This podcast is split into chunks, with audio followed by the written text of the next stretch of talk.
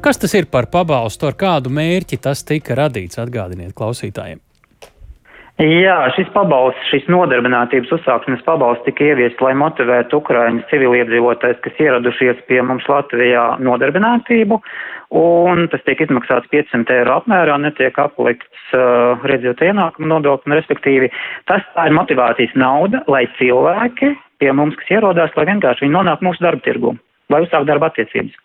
Respektīvi, lai viņiem uh, kaut kādā veidā arī atvieglot to, uh, nu, tā ir kaut kāda veida uh, gan meklējumi, gan visāda birokrātija, lielāka vai mazāka, tas cits Jā, jautājums. Principā, un, uh, tas pabalsts ir tāds vienkāršotā veidā uh, izveidots pabalsts uh, cilvēkam, jo iespējams, ka cilvēks pirmo mēnesi vēl gaida savu algu un iestājoties darbā, nu, principā piesakoties šo pabalstu, var saņemt tā kā naudiņu, tā kā mazliet avansā it kā uz priekšu, kas ir tā kā atspēriena nauda un tālāk jau cilvēks, lai jūtās droši un sāk strādāt. Cik daudzi šobrīd uh, no uh, strādājošajiem Latvijā, Ukrāņiem, nu tie, kuri, protams, ir jūsu redzes lokā, uh, ir izvēlējušies to saņemt? Jā, cipars ir diezgan jau liels uz šo brīdi. Uz 22. augustu mēs redzam, ka uh, iesniegumus uh, ir iesnieg, par šo pabalstu izmaksu ir iesnieguši 7600 ukraiņas uh, civilīdzīvotāji. Pabalsti savukārt ir izmaksāti uh, tuvu septiņiem tūkstošiem, pat par atlikušiem vēl ir procesā. Tas nozīmē, ka uh, Latvijas darbs tikai nesaņem. Ir diezgan nopietnas šis cipars, jā. Mm -hmm. uh, ir tādi arī, kuri nepiesakās, cik daudz ir tādu, kuri ir jūsu redzeslokā, vai arī tos jūs neredzat? Protams, ka tā, tā, tā nav spiesta lieta pieteikties vai nepieteikties šim pabalstam. Mēs nezinām, protams, kas, kas ir varbūt izvēlējušies nemaz nepieteikties, kas tam, ka, no nu kam šī nauda varbūt nav aktuāla, bet principā, nu, es varētu teikt, ka 90% piesakās tomēr, jo šis pabal, šī pabalsta saņemšana ir sal, salīdzinoši vienkārša lieta, atliek tikai iesniegt iesniegumu. Jā, un tad sareizinām šos septiņus apmēram tūkstošus ar pieciem simtiem, tad kopējā summa līdz šim ir izmaksāta. Līdz šim ir izmaksāti 3,4 miljoni eiro, un kā jau valdība lēma, tad papildus vēl ir piešķirta 2 miljoni eiro, lai uh, nu, vēl tuvākajos mēnešos vēl vismaz 4 tūkstošiem Ukrainas civiliedzīvotāji, kas uzsāks darba gaitas, lai var, nu, dotu šo arī iespēju motivāciju uh, pirmajam darba cēlienam, tā sakot, pirmā tāda pabalstu veidā arī izsniegt. Mm -hmm. nu, tā kā šis ir vienreizējs pabalsts, tas ir līdz ar to redzams ļoti droši vien arī precīzi redzama tā bēgļu plūsmas intensitāte, tā skaitā to plūsmu darba tirgu. Tāpēc, lai plānotu un prognozētu, cik daudz naudas vajadzēja šai, šīs papildus naudas, droši vien, ka ir jāvēro arī tā bēgļu plūsmas intensitāte. Ko jūs prognozējat, cik daudziem vēl vajadzēs. Nu, no šīs summas var, protams, to nojaust, bet nu, kā jūs redzat eh, to prognozi, kā jūs to veidojat? Jo tas var būt, protams, mm, atkarīgs no kara darbības, eh, attīstības vai labākajā gadījumā neattīstības. Un eh, tā pašā laikā jūs redzat to kustību. Nu, kā jūs prognozējat, cik tad varētu vēl stāties pie darbā šeit Latvijā un saņemt šo pabalstu? No kāds ir atkarīgs? Jā, tieši tā.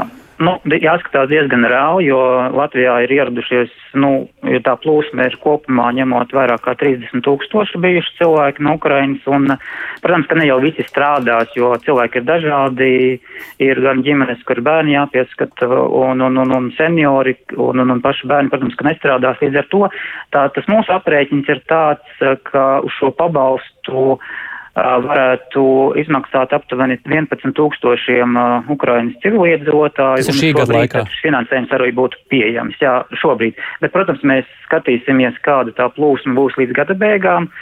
Un, ja būs papildus, ja cilvēki ieradīsies un arī viņi atradīs darbu, iekārtosies reāli darbā, tad, protams, šī, šī, tad tiks prasīts arī papildus finansējums, lai nosektu visus tie, kas tiešām iekārtojās Latvijas darba tirgu, lai viņiem palīdzētu. Bet šobrīd caurmērā tā intensitāte ir ar kādu tendenci mazināties? Uh, šobrīd es teiktu, ka tā tendence ir stabila. Nu, uh, jāsaka, viena lieta, ka cilvēki nenāk uzreiz jau pirmajā dienā uz nodarbinātības valsts aģentūru. Viņi nāk pēc kāda laika, kad viņi šo sadzīvi iekārto šeit. Bet mēs redzam, ka pēdējā laikā, piemēram, augustā, nu, uz nodarbinātības valsts aģentūru dienā atnāk, nu, vidēji, nu, tā no 80 līdz 100 cilvēkiem, bet tie arī nāk iepriekšējā, iepriekšējos mēnešos, arī, kas varbūt nemaz nebija atnākuši uz nodarbības valsts aģentūru. Bet, nu, tad, tad te bija dzīvoja, varbūt rūpēs par bērniem un, un, un kārtoja savas sadzīviskās lietas. Mm -hmm. nu, vai jūs monitorējat, vai šis mehānisms attaisnojas, vai viņi teikt, iekārtojas? Es pieļauju, ka visādas situācijas ir, bet droši vien jūs redzat to galveno tendenci, vai pēc tam viņi arī reāli turpina strādāt. Protams, ka mēs nevaram tagad ļoti visus izmērīt, jo daži tikai nesen ir sākuši, un par laimi karš nav ilgi. Šobrīd vēl nu, tā, ka gadu gadiem, un uh, ko jūs redzat, uh, maina pēc Jā, tam šīs darba vietas, vai, uh, nu, vai beidz strādāt vispār, ko jūs vērojat? Jā, tieši tā. Nu, mēs skatāmies, jo, protams, lai piešķirtu šo nodarbinātības uzsākšanas pabalstu, uh, tiek pārbaudīts, vai cilvēks tiešām ir darba ņēmējs reģistrēts valsts ieņem dienestā. Tātad uh, šī reālā darba vietas, darba attiecība esamība tiek konstatēta. Bet, protams, ka mēs nevaram izsekot katram ikvienam uh, Uh, jo, jo ir gadījumi, ka, protams, cilvēki arī atgriežas atpakaļ Ukrainā un, nu, kā saka, šeit darba attiecības jau Latvijā netiek nodibinātas uz mūžu, bet ir stabila tendence, ka, tiek, ka lielākā daļa, kas iekārtojas, viņi tomēr cenšas turēties pie tā darba, jo tie ir reāli ienākumi un cilvēkiem šos ienākumus, lai dzīvot Latvijā, viņiem vajag. Mm. Man liekas, ka tas arī ir pats galvenais. Ja vien jums nav vēl kāda secinājuma, kas, eh, ar ko padalīties, tad eh, man liekas, ka svarīgāko mēs esam noskaidrojuši, vai ne? Jā, vienīgi vēl no. nāk jaunums, ka septembrī ies uh, vēl likuma grozījumi top un procesā, bet uh, pēc septembrī varētu būt arī, ka arī tie Ukrainas civiliedzīvotāji, kas būs uzsākuši pašnodarbinātību Latvijā, tad tie arī varētu saņemt šo 500 eiro pabalstu. Uh, Uh, uh, ne tikai tie, kas, kā saka, strādā, nu, klasiskajās darba attiecībās, kā darba ņēmēji pie darba devējiem, bet arī pašnodarbināti arī varētu uzsākt. Nu, tā teikt, atbrauc mums kāds šuvēja šeit un uh, grib. Jā, ja tiks reģistrēta savu saimnieciskā darbība, savu, savu, savu pašnodarbinātību, tad arī uh, šo, šo pabalstu varētu sākt maksāt uh, septembrī, uh, tad arī. Kad to varētu nolemt?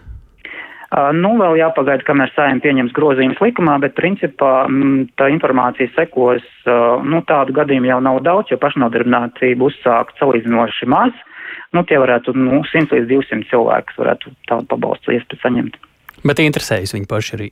Jā, interese ir, tāpēc arī šādi grozījumi ir procesā, lai būtu šī iespēja arī šiem cilvēkiem saņemt šo motivācijas naudu. Lielas paldies par sārunu Imantam Lipskim, Labklājības ministrijas darba tirgus politikas departamenta direktoram programmā pēcpusdiena.